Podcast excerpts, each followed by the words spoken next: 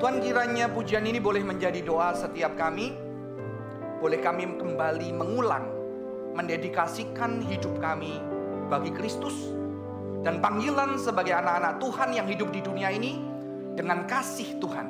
Dan kiranya hari ini kami dikuatkan dan diteguhkan untuk kami bisa kembali diperbaharui kehidupan kami untuk boleh hidup bagi Kristus. Berkati hamba yang sudah mempersiapkan boleh menjadi berkat buat jemaat Tuhan. Di dalam nama Tuhan Yesus Kristus kami berdoa. Amin. Silakan duduk jemaat yang dikasih Tuhan. Shalom. Desiring in eternity. Kita akan membuka Alkitab kita 1 Yohanes 2 ayat 15 sampai yang ke-17. 1 Yohanes 2 ayat 15 sampai yang ke-17. Saya akan bacakan buat setiap kita. 1 Yohanes 2 ayat 15 sampai yang ke-17. Janganlah kamu mengasihi dunia yang dan apa yang ada di dalamnya. Jikalau orang mengasihi dunia, maka kasih akan Bapa tidak ada di dalam orang itu. Sebab semua yang ada di dalam dunia, yaitu keinginan daging dan keinginan mata serta keangkuhan hidup, bukanlah berasal dari Bapa, melainkan dari dunia. Dan dunia ini sedang lenyap dengan keinginannya. Tetapi orang yang melakukan kehendak Allah tetap hidup selama-lamanya. Desiring eternity. Saudara-saudara beberapa waktu lalu saya berkhotbah di seri retreat anak sekolah.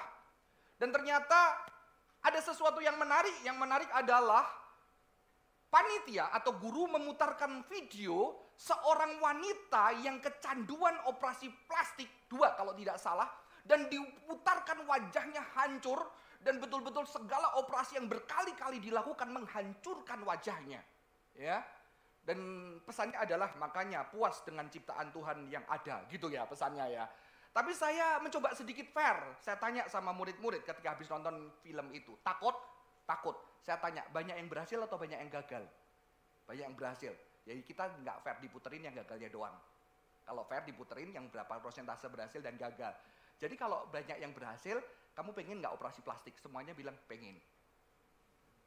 Ya, jadi sekolah itu sedikit fair harusnya ya. Jangan cuma nakut-nakutin, neror pakai data yang tidak lengkap. Ya. Padahal mereka juga tahu banyak yang berhasil. Kalau nggak K-pop nggak mungkin begitu keren, begitu kan? Banyak berhasil. Jadi masalahnya sekarang ketika banyak berhasil, kenapa kamu nggak? Kalau kamu punya uang, tapi pertanyaan saya selanjutnya adalah pesannya jadi lebih nyampe. Kalau berhasil, kira-kira akan berhasil terus nggak? Kalau berhasil terus, sampai kamu nenek-nenek terberhasil nggak? Jadi akhirnya kamu harus menerima apa? Kenyataan bahwa akan ada usia kamu yang membuat kamu tidak berhasil. Sekalipun dokter yang hebat, teknologi yang terbaru, kamu bakal decay. Ya nggak? Jadi kalau begitu, kamu terus mempertahankan desiring eternity. Kamu mempertahankan tubuhmu dan wajahmu kekal, cantik. Kamu nggak akan bisa bertahan. Jadi kalau gitu kenapa kamu tidak berlatih, tidak perlu keluarin banyak, bagaimana kamu bisa menerima kenyataan wajahmu yang bakal decay. Sehingga ketika decay kamu tetap melihat di dalam kehancurannya ada cahaya yang lebih indah. Betul gak? Mengapa manusia bisa menciptakan yang indah? Karena manusia hanya untuk diriku. Orang lain tidak. Terjadi kan di dunia ini? Hanya orang-orang tertentu yang bisa memiliki keindahan tertentu. Kalau kamu mau di pantai untuk bisa menikmati beach club yang mewah, minimal satu tabelnya seberapa? Saya tanya nggak jadi masuk, saudara-saudara ya. Sayang banget, itu saya makan seafood bisa satu minggu gitu kali ya. Teman-teman, itu terjadi. Tidak semua keindahan bisa kamu nikmati. Ada private yang kamu bisa, tetapi manusia rindu akan menikmati keindahan ini dan keindahan ini menjadi eksklusif hanya untuk dirinya dan itulah yang dijual zaman ini, keindahan yang dinikmati untuk diri kita. Yang terakhir, the pride of life, desire for gaining wisdom. Wisdom itu penting di dalam ancient Near East. Kenapa? Karena wisdom itu yang membuat orang bisa sukses berhasil. Maka Salomo meminta apa? Meminta berkat Tuhan sehingga kerajaannya bisa lebih besar dan tidak ada kerajaan yang lebih besar dari Salomo. Sehingga dinyatakan apa? Ketika Yesus dicobai, semua kerajaan ini, semua keindahannya akan kuberikan kepadamu ketika engkau bersujud kepadaku. Oke? Okay? Manusia bisa, ya udah bersujud lah, cuma sujud apa susahnya. Yang penting gue punya kerajaan itu, tapi Yesus tidak mau bersujud. Saudara-saudara, inilah tiga keinginan yang sejak kejadian yang dicobakan oleh Yesus, yang dikatakan juga oleh Yohanes, yang ada dan menjatuhkan manusia. Dan kalau kita lihat semua ini, ini berfokus kepada diri. Berfokus kepada diri. The desire of the flesh, the desire of the eyes, the pride of life. Dan bukankah ini yang dicari dunia, betul? Sampai hari ini. Makanan tubuh yang segar, yang enak, yang indah, yang sedap, segala perhiasan yang bling-bling, yang berkilau. Dan juga apa? Kebanggaan hidup, kekayaan, kesuksesan, ketenaran yang bisa merengkuh dunia ini. Dan inilah yang ditawarkan oleh iblis ketika menggoda Adam dan Hawa. Tapi ketika saya mempelajari, sebetulnya dosa ini saudara-saudara berkait dengan desire ini. Tiga desire ini, dan ternyata di dalam tiga desire ini saudara-saudara ada sesuatu yang penting di dalam dosa. Yaitu dosa itu meragukan God's love, doubting God's love. Anak saya tanya, saya nggak tahu pernah cerita atau belum. Pak, kenapa itu ada buah? Kalau ada buah, kan manusia makan. Tuhan tahu nggak katanya ada divine foreknowledge. Tuhan sudah tahu sebelum manusia melakukan divine foreknowledge. Tuhan sudah tahu manusia bakal makan buah. Kenapa Pak? Kok tetap dikasih buah pohon sehingga Adam Hawa makan? Itu bisa dijawab dengan filsafat, dengan apologetik. Tapi hari itu saya tidak menjawab. Saya bilang, ginilah. Itu kan sastra yang indah kejadian lama. Gini, perjanji, uh, di kejadian itu saya bilang gini. Papa beli punya coklat satu box. Papa taruh di ruang tamu, kamu semua makan sepuasmu. Papa ada satu coklat, papa taruh ke kulkas. Ini punya papa, please jangan dimakan. Dan kamu makan punya papa, kamu kurang ajar gak? Kurang ajar kan? Saya kasih semua, kamu masih makan punya papa. Terus tahu gak jawaban anak saya apa? Kan punya papa pasti lebih enak. Papanya simpen yang enak untuk dirinya. Saya bilang, lu, lu kurang ajar ya. Lu gak percaya papa kasih satu kerdus itu coklat yang baik buat kamu. Ngerti? Lu gak percaya sama sayangnya papa. Bisa aja coklat yang aku simpan mengandung alkohol. Kalau marijuana kan nggak boleh ya. Kalau di luar kan boleh mengandung marijuana. Kalau di Indonesia kan nggak boleh ya. Alkohol yang kamu belum bisa, lu nanti mabok sekolah nggak bisa. Bisa aja nih kesimpan buat papa dan papa satu dan itu private. Kamu tetap memilih, eh itu kan pasti lebih enak. Kamu nggak percaya papa sayang kamu ya? Dan kamu tahu Adam dan Hawa, Hawa, kamu akan jadi seperti Allah. Oh, berarti gue nggak cukup. Ngerti? Gue nggak cukup nih, gue kurang. Harusnya gue bisa lebih baik dari ini. Betul? Itulah dosa. Saya terjemahkan secara mudah ke anak-anak muda supaya apa? Gampang ngerti. Dosa adalah ketika kamu merasa tidak dicintai. Bahwa Tuhan tidak sayang kamu, kamu merasa dirimu ini tidak sempurna. Jadi orang yang minder, yang tidak bisa melihat anugerah Tuhan di dalam hidupmu, yang merasa dirimu buruk. Itu bagi saya adalah dosa. Tapi jangan khawatir, semua kita berdosa. Betul ya? Ketika kamu merasa tidak berharga, akhirnya apa saudara-saudara? Kamu berusaha, kamu berusaha. Hawa berusaha apa? Menjadi seperti Allah. Allah itu apa? Eternal, the owner of wisdom and love. Ini saya bayangkan. Kamu berusaha apa? Kamu berusaha menjadi love. Kamu berusaha menjadi kekal yang terbesar karena kamu tidak puas. Hawa tidak puas dengan kondisinya. Dia mau makan buah ini supaya gue punya hikmat. Supaya gue bisa besar. Supaya gue lebih layak. Lebih berharga dari sekarang. Karena bagi gue Tuhan menciptakan gue kurang. Ya. Supaya gue dicintai lebih dicintai daripada ini. Sehingga saudara-saudara dia menggunakan apa? Make himself more valuable. Gue harusnya lebih baik dari ini. Gue bisa. Bukankah dunia mengajarkan ini? Kurang. Kalau kamu cuma kerjaan digitnya di bawah dua, rendah kamu. Kalau kamu dua, rendah. Kalau kamu 30 belum punya rumah, aduh pasti kamu itu kalah dibandingin lain. Kalau Instagrammu belum jalan-jalan ke mana, makan di tempat mewah, kamu kurang layak, kamu kurang berharga. Ini yang ditawarkan dunia saudara-saudara. Ya, Make himself more valuable. Supaya apa? Supaya kamu diterima dan dicantai. Dan apa? By his own power. By his own power. Dengan kekuatannya dia mau capek itu. Supaya apa? Supaya gue lebih hebat, gue lebih diterima, gue lebih berharga dengan kekuatan sendiri. Ya, Dan itulah committing sin. Kita memutuskan berdosa dengan kekuatan kita ketika kita merasa tidak berharga, kita membuat diri kita berharga. Dan saya percaya orang yang berusaha membuat diri berharga, orang itu sampai mati nggak akan mengerti cinta. Kenapa? Karena ketika kamu sukses, kamu jadi kaya, kamu jadi terkenal, orang lain datang kepada kamu, oh hebat kamu terkenal, bisnismen sukses, artis sukses, musisi sukses, hamba Tuhan sukses. Dan ketika mereka mendekat sama kamu, hm, dulu kamu seperti ini, gua nggak, kamu dekat aku. Sekarang setelah aku berusaha dengan kekuatanku sendiri, kamu baru dekat sama aku. Ngerti? Gue bisa diterima karena apa? Karena gue berusaha, gue bekerja. Akhirnya kamu tidak akan mengerti cinta. Karena cinta berbicara apa? Ketika lu bukan siapa-siapa. Ketika kamu hancur, ketika kamu gagal, ketika kamu gak punya apa-apa. Masih ada temen yang deket sama kamu dan peduli sama kamu. Itu loh. Makanya banyak orang di dunia ini semakin sukses, semakin hebat, puas, bahagia, bangga. Tapi deep down, di dalam hatinya. Mereka merasa cinta itu ada. Saudara-saudara. Saya merasa dicintai sama Cimel apa? Ketika dipecat, saya takut tinggalin rumah fasilitas gereja. Balikin mobil, Cimel hamil 9 bulan. Dan saya berlutut di balik di samping ranjang saya dan Cimel peluk saya. Kami menangis bersama. Ketika saya bukan siapa-siapa, ketika saya pria yang gagal, ketika saya nggak punya apa-apa, dia ada di samping saya. Saya merasa dicintai ketika apa? Ketika saya tidak bisa beli mie satu mangkok, nggak bisa. Ntar uang kita nggak cukup. Tapi kita beli mie paksit ujung pandang. Jadi kalau lihat mie paksit ujung pandang yang minyak gede, saya selalu penuh dengan kebahagiaan dan kesedihan. Kenapa? Kita nggak bisa beli satu piring. Saya bagi dua, porsi besar bagi dua, lebih hemat. Setelah itu jujur, saya masih lapar.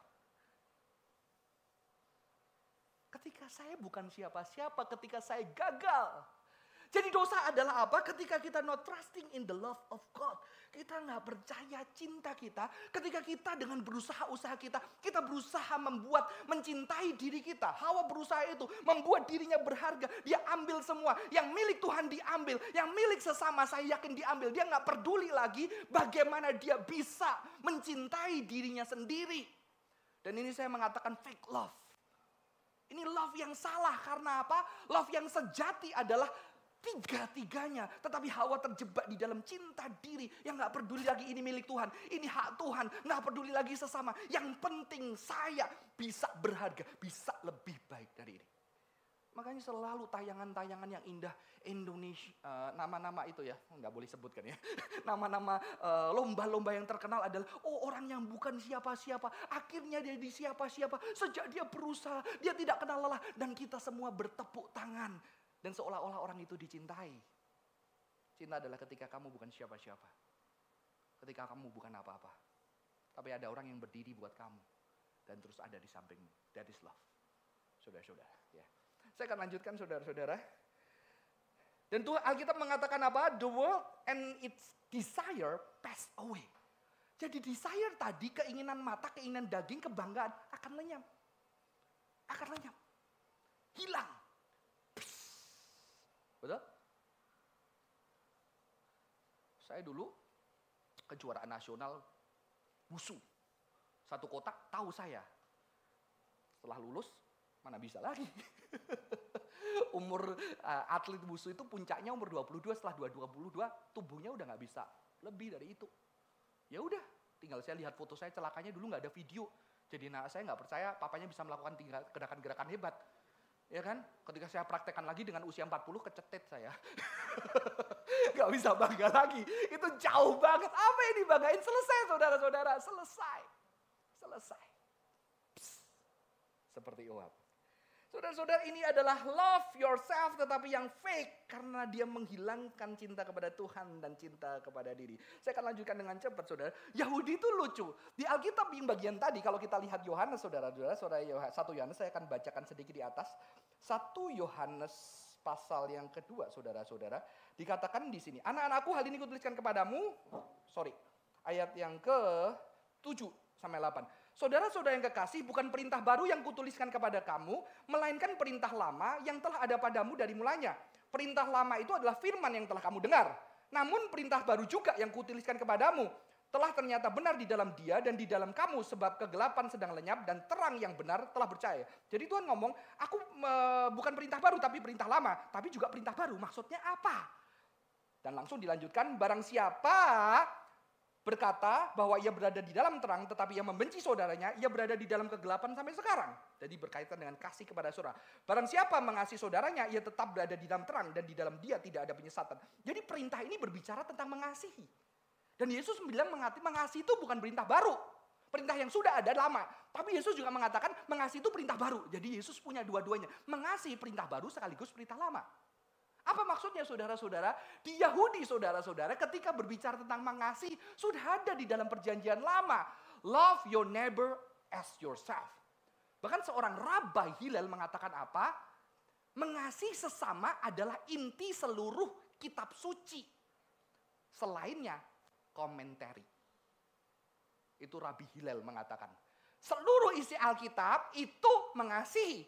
Selainnya komentari, tafsiran ya, mengasihi sesama. Maka kita mengatakan apa? Untuk jawaban the word desire tadi, kasih perintah yang lama yang sudah Tuhan nyatakan. Tetapi ada sesuatu yang unik, seorang rabai terkenal Yahudi yang bernama Akiva mengatakan, kalau kamu dua orang, orang percaya dan punya teman, tahu-tahu kamu kehausan. Di padang pasir, kamu kehausan dan kamu ada air minum. Kalau kamu bagi dua, dua-duanya mati. Oke? Okay? Kalau kamu minum sendiri, salah satu hidup. Kira-kira kamu minum atau kamu kasih orang? Ngerti?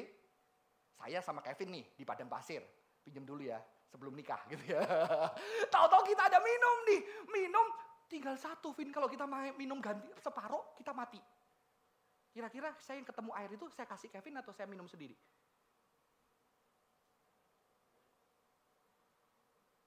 Siapa? Ya udah Kevin gitu ya. rebutan gitu ya kayak Walking Dead teman-teman.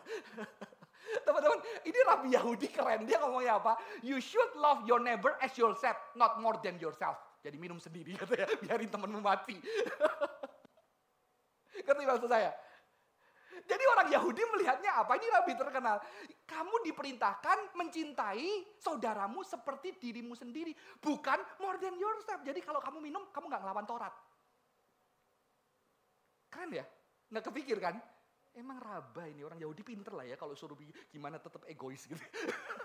enggak, enggak. Ini bukan rasis saudara-saudara. Bukan rasis itu itu saya maaf itu itu termasuk uh, uh, antisemit gitu saudara-saudara.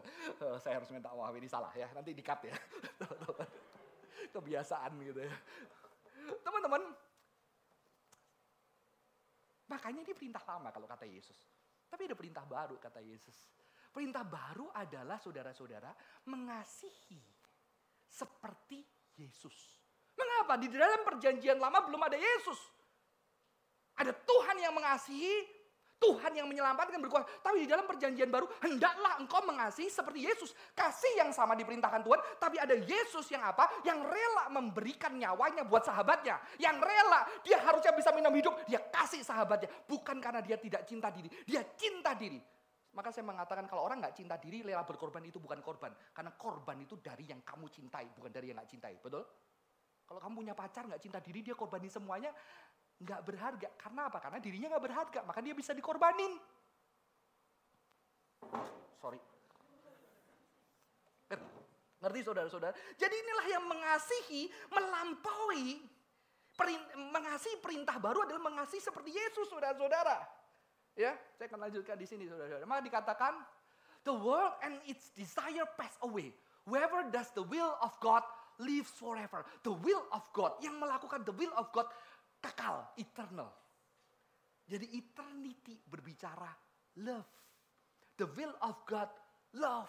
Maka perintah yang baru yang ditetapkan Yesus adalah love God, love other, love self. Yang pertama, I am giving you a new command that you keep on loving in each other in the same way that I have loved you. You are also to keep on loving each other. Kamu mengasihi seperti aku, seorang sahabat yang rela memberikan nyawanya untuk sahabatnya. Ini perintah baru. Sama-sama mengasihi, tapi perintah baru. Dan inilah orang-orang yang akan hidup kekal.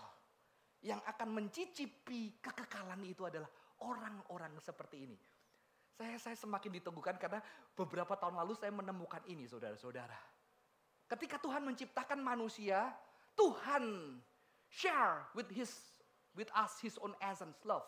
Jadi saya sekarang kalau khotbah di sekolah-sekolah saya bilang e, guru agamamu e, kurang tepat ya. Kenapa manusia disebut manusia? Karena manusia punya akal budi. Tuhan nggak ngomong I'm a rational God, ya kan? I have reason, that's why human have reason. Aku adalah makhluk rasional, Tuhan yang rasional, maka aku menciptakan manusia dengan rationality. Betul, kita punya rasional. Tapi essence God bukan rationality, essence God is love. God is love. Maka ciri image of God adalah love. Oke? Okay? Ya, sampai sekarang banyak yang ngajarinya rasional gitu ya. Sebetulnya itu filsafat dari Aristotle, saudara-saudara. Dan dikatakan apa? Ayat ini saya suka. Ini penemuan saya sendiri, nggak ada di tafsiran mana-mana, jadi ini kreativitas saya sendiri. Saya nggak pernah ketemu ketika baca. God has made everything beautiful in its time. Tuhan sudah, betul ya ini Elisa ya, sudah ya. Tuhan sudah, jadi jangan pakai ayat ini ketika kamu putusin. Tuhan akan membuat segala sesuatu indah pada waktunya. Enggak, ini udah. Ya, please. Ya, saya tanya sama guru Inggris saya. Tuhan sudah membuat segala sesuatu indah pada waktunya. Sudah. Apa itu keindahan itu? He has also set, planted eternity in the human heart. Dia taruh kekekalan di dalam hati manusia. Kekekalan di dalam hati manusia. Bayangin kamu yang debu ini dikasih kekekalan. Saya waktu SD bayangin kekekalan. Emang emang saya gila ya kali waktu SD. Saya membayangkan saya keluar rumah, ini bumi kan ada batasnya. Terus batas bumi ada batas luarnya. Batas luarnya ada batas luarnya lagi. Batas luarnya ada batas luarnya. Ini anak SD gila kan ya. Kira-kira batasnya sampai mana? Begitu ada batasnya kan ada luarnya lagi. Akhirnya saya pusing tidur. Kekekalan bicara apa? Enggak batasnya. Dan Tuhan karo kekekalan di dalam hati manusia. Ada seorang teolog yang hebat, Blaise Pascal mengatakan, di dalam hati manusia ada great abyss. Jurang yang tidak ada batasnya di dalam hati manusia. Ada jurangnya yang tidak bisa dipuaskan dengan iPad, speaker, sepatu. Kenapa? Karena nanti rusak semua, betul gak? Maka Blaise Pascal mengatakan, jurang yang terdalam itu hanya dapat dipuaskan Tuhan.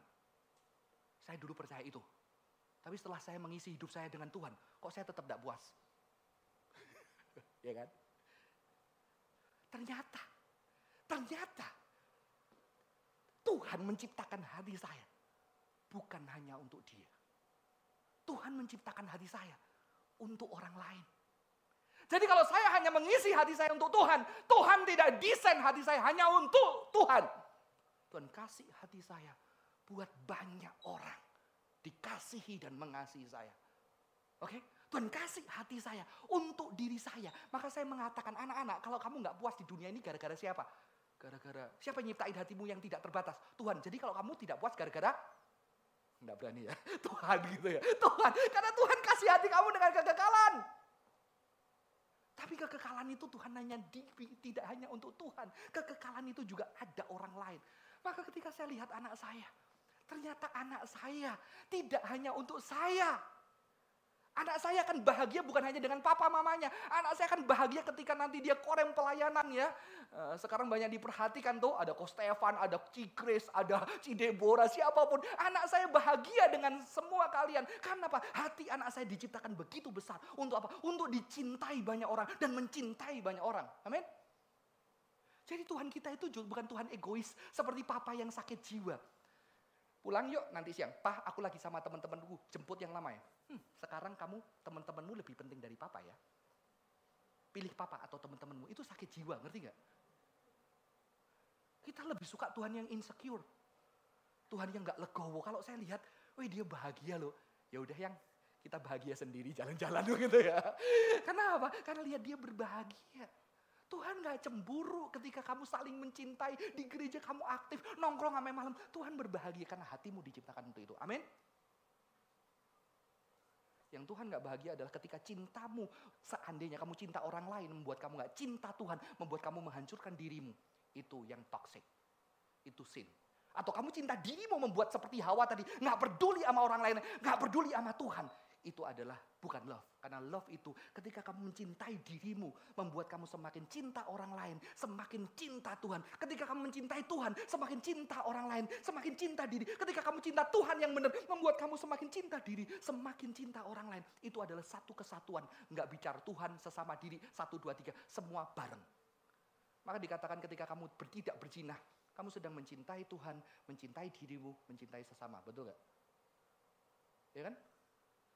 Saya nggak berzina, saya nyintain istri saya, anak saya, orang lain kan, istri saya. Saya mencintai diri saya, nggak ribut. Nggak anak-anak saya benci saya. Saya nyintain orang lain, uh, keluarganya pasangan yang saya tidak berzina itu. Dan saya mencintai Tuhan, karena Tuhan mau saya hidup dengan benar. Itulah cinta. Jadi itu tiga-tiganya bareng. Ya, ada satu profesor, karena takut dibilang sesat, supaya bisa diterima, dia bilang tiga-tiganya bareng. Seperti lomba lari, ada garis finish, bareng kita lihatnya. Tapi ketika di teleskop 0,00001 cinta Tuhan lebih gede. Ya. Kalau saya bilang udah lah ngapain gitu, sama bareng gitu ya. ya, resikonya kalau pikiran kayak saya dianggap sesat. Tuhan kan harus terutama. No. Semuanya bareng Tuhan ciptain hati kita untuk cinta. Dan cinta itu Tuhan sesama dan diri. Dan itulah kekekalan di dalam hati kita, saudara-saudara. Saya akan this is his command that we are to trust in the person of his son Jesus the Messiah, and to keep loving another just as he command us. Those who obey his commandments remains united with him and he with them. Jadi akhir dari khotbah saya adalah apa saudara-saudara? Supaya kita desiring eternity. Mengapa? Karena kita didesain for eternity dengan love di dalam diri kita.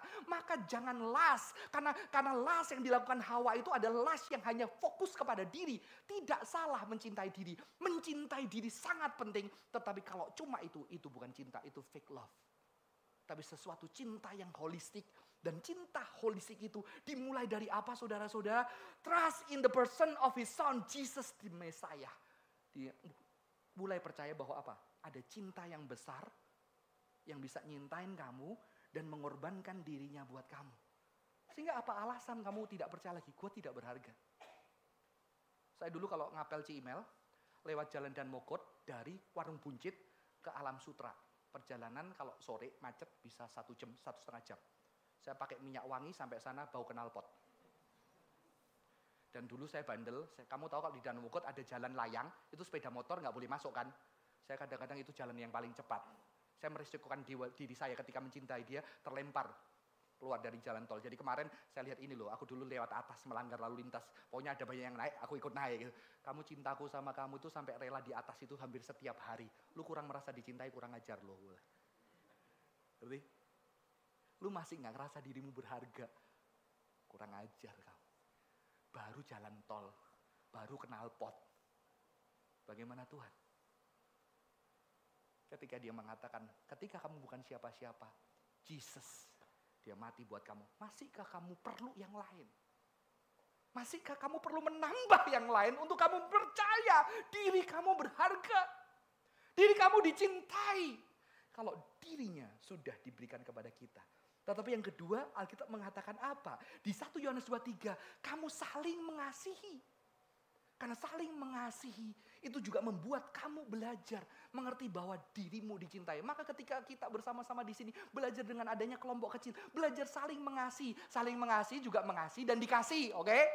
Kita sering salah diajarkan kasih Kristen adalah kasih yang rela berkorban buat orang lain. No, Yesus memang berkorban buat orang lain, tapi Yesus juga meminta dikasihi. Yesus meminta dicintai, bahkan gak cuma minta memerintahkan. Saya gak pernah memerintahkan, Kevin, dalam nama Yesus. Kasihlah aku dengan segenap hatimu, dengan segenap jiwamu, dan dengan segenap kekuatan. Yesus merintahin loh, betul kan? Yesus memerintahkan dikasih, tapi saya enggak. Tapi sebagai manusia, kita diciptakan untuk dicintai. Maka saling mengasihi itu adalah juga cara untuk melihat diri kita berharga. Amin. Karena kadang-kadang kita nggak bisa lihat Tuhan, betul kan? Lihat Tuhan yang jauh, kita nggak bisa. Tapi ada orang di sekitar kita yang percaya Tuhan. Ternyata ketika kita sedang sulit, ketika kita bukan siapa-siapa, dia ada buat kita. Saya pernah punya masalah, tanya para reader yang lebih tua gitu ya. Ketika punya masalah, saya takut, saya cukup depresi, saya beberapa hari mengunci diri di kamar. Saya mengunci diri kamar kata apa? Tidak memberikan dirinya dicintai. Tahu-tahu anak saya masak kue, Pak, mau kue, Pak. Saya nggak pengen, enggak, enggak. Ternyata saya lihat wajahnya marah, sedih, enggak marah, sedih dia. Kok kuenya udah buatin untuk sayang papanya nggak dikasih. Saya bilang, saya panggil lagi, papa nggak bisa makan tapi ya papa berusaha makan ya. Saya gigit, saya cuma bisa menyelesaikan separuh tapi papa bilang, thank you ya. Ternyata dia bahagia. Karena dia pengen mengasihi saya tapi saya memberikan. Setelah saya pulang saya stres. Akhirnya itu saya coba keluar dari rumah. Ternyata ketika di lapangan basket ketemu, saya nggak tahu namanya, saya biasanya ngajarin anak-anak e, kampung gitu di daerah kompleks itu main basket. Begitu saya jalan lagi stres, ada anak, om, om, kapan basket lagi om? Senyum gitu ya. Saya nggak tahu, iya kapan lagi stres. Ternyata akhirnya malam saya zoom sama beberapa leader, saya cerita saya lagi berat, saya gini. Dan ternyata teman-teman leader melihat saya menangis. Dan mereka dengerin, mereka berdoa buat saya. Dan itu menjadi kekuatan. Dan saya merasakan cinta Tuhan bahwa saya berharga. Whatever masalah saya besar, nama saya bisa hancur dan segala macamnya. Tapi saya melihat ada orang-orang yang ada buat aku. Amin. Itulah komunitas teman-teman. Saya akan akhiri. Jadi kita harus bagaimana teman-teman? Pertama, pertama belajar percaya bahwa dirimu dicintai. Saya suka kata-kata ini dari Agustin. It is no advantage to be near the light if the eyes are closed. Jadi kita itu sebetulnya dicintai tapi kita sudah terlanjur gelap, gelap, enggak, enggak ada gelap. Kita nggak mau buka mata kita untuk lihat begitu banyaknya orang yang sayang kita di sekitar kita. Kita udah buta, buta, karena kita memilih tidak mau dicintai, betul? Kita sudah nggak percaya diri kita tidak dicintai. Kita seperti anak-anak kalau yang menurut ilmu psikologi, anak-anak yang diadopsi, oh sorry, anak-anak yang dibuang ke panti asuhan, dia udah nggak percaya dicintai. Ketika diadopsi, dia sengaja bikin jahat, sengaja bikin masalah. Kenapa? Karena dia sudah tidak percaya ada orang yang sayang dia. Mengapa? Kalau papa mama gua aja buang aku, mana ada orang yang bisa sayang sama aku? Maka ketika diadopsi, dia sengaja bikin ulah. Dan ketika tidak dicintai, dia akan mengatakan, bener kan aku tidak dicintai. Ngerti? Sampai suatu hari ketika ada orang tua yang bukan orang tuanya mencintai, menangis betul-betul. Baru dia bilang, ternyata gue sudah buat jahat kayak gini, dia tetap sayang buat gue. Di situlah hancurnya kita. Itu yang dilakukan Yesus. Ternyata gue buat salah, gue buat kejahatan yang begitu dahsyat. Tuhan tetap sayang gue. Nanti ini terjadi kalau kamu pacaran, suka ngambek. Udah pergi aja, putuskan. Sebetulnya dia butuh apa? Kamu gak cinta aku, udah usir-usir. Setelah diusir-usir, tetap aku mau kamu. Uh, Ngerti? Tapi nanti dia akan gitu terus kalau dia nggak berubah melihat bahwa dirinya dicintai. Ngerti? Semakin keras, kenapa? Semakin keras membuktikan bahwa dicintai cintaku. Udah gue tendang, gue kata-katain, dia tetap balik. Lu sakit. Karena lu seperti orang yang di dalam terang, di bawah terang. Tapi lu tutup matamu, nggak mau percaya. Saya bilang sama anak saya, belajar percaya. Papa terbatas. Please, Belajar percaya bahwa papa sayang kamu. Kalau kamu nggak percaya, papa mau beliin kamu iPhone 10, iPhone 13, 20, 21, 20. Lu nggak bakal dicintai. Karena sekarang aku tanya, kamu baru percaya dicintai ketika apa? Kamu nggak bisa jawab kan? Yang kedua, learning to love each other. Berarti to love and be loved. Belajar sayang, belajar dicintai. Ketika dicintai, say thank you. Aku merasa dicintai. Ketika dia sedang pasangan membutuhkan dicintai, belajar mencintai dan belajar percaya bahwa kamu dicintai. Dan love like Jesus. Ini ini seumur hidup ya.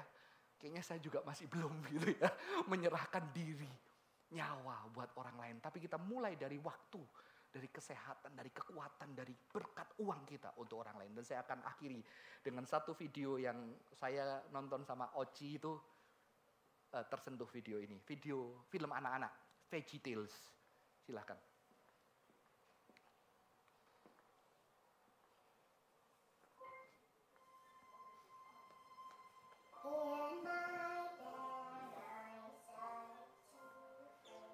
Lampu boleh diredupin?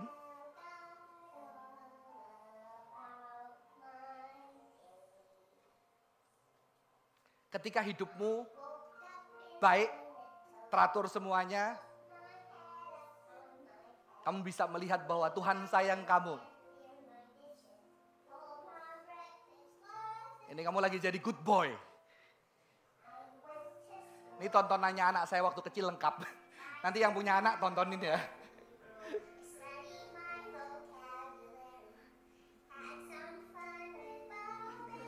Jadi tokoh Alkitabnya Daudnya itu pepaya gitu, brokoli gitu. Ya.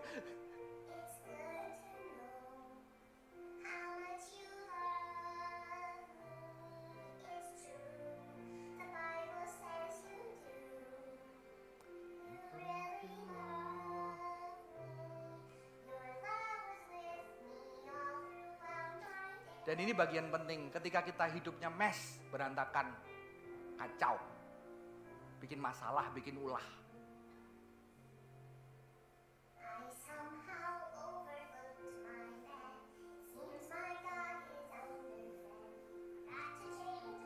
Lupa ganti pakai dalam. Banyak nonton film, TV dimarahin orang tua ya.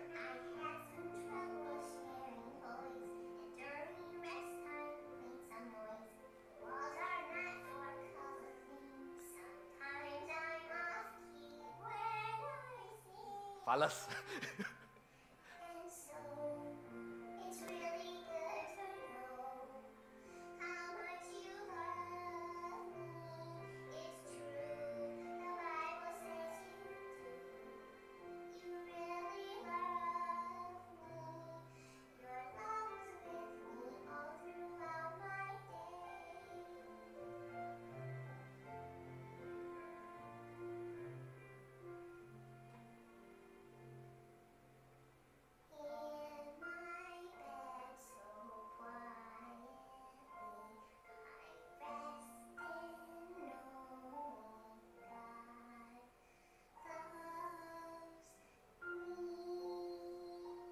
Beautiful ya.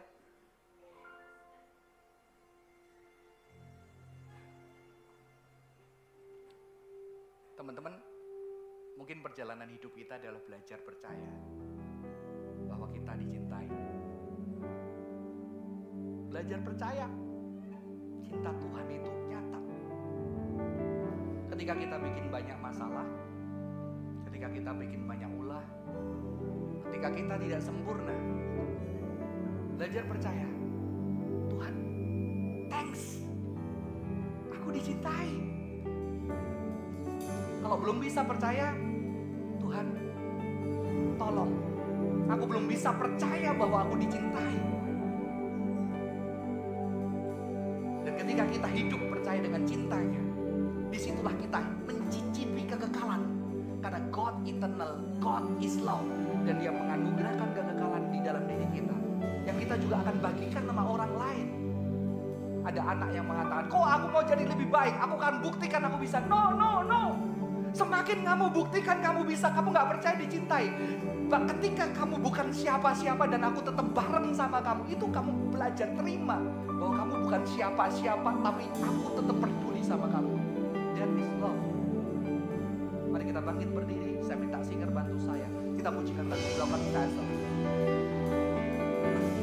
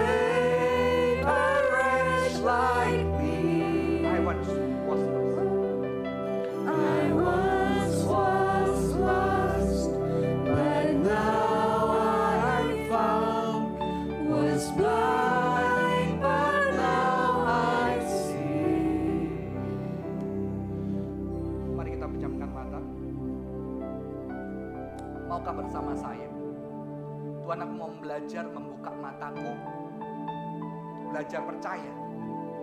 Aku dicintai. Aku berharga. Tanpa aku menambahkan dengan pencapaianku. Tanpa aku menambahkan dengan memperindah tubuhku. Tanpa aku menambahkan dengan kehidupanku yang lebih spiritual. Tapi Tuhan, aku mau belajar percaya bahwa aku berharga dan dicintai. Karena kau mengangkat aku yang broken ini. Dengan hidupmu juga aku belajar dicintai melalui teman-temanku yang terbatas. Dan aku juga belajar mencintai teman-temanku yang terbatas dengan cinta Tuhan. Buka mataku Tuhan. Bagi teman-teman yang masih merasa, Tuhan aku masih belum bisa. Bantu Tuhan, bantu aku untuk bisa melihat, membuka mataku, open the eyes of my heart, Lord. Buka mataku Tuhan, untuk bisa lihat bahwa aku dicintaimu. Sehingga ketika aku pergi dari tempat ini, aku juga bisa menyatakan cinta itu. Orang-orang bisa ngerasain bahwa aku berbahagia karena Tuhan cinta aku dan aku mau bagikan cinta itu buat teman-temanku yang lain. Terima kasih Tuhan buat hari ini. Terima kasih buat berkatmu. Terima kasih buat anugerahmu. Biarlah setiap umatmu di tempat ini dengan segala keberadaan mereka yang di, juga di rumah boleh belajar melihat diri mereka berharga. Tuhan sudah mengambil setiap kami. Bahkan ketika kami bukan siapa-siapa. Ketika kami bukan belum atau belum melakukan tindakan-tindakan yang besar. Tuhan sudah panggil kami. Tuhan sudah tebus kami menjadi anak-anak Tuhan. Terima kasih Tuhan buat hari ini. Di dalam nama Tuhan Yesus Kristus kami berdoa. Amin.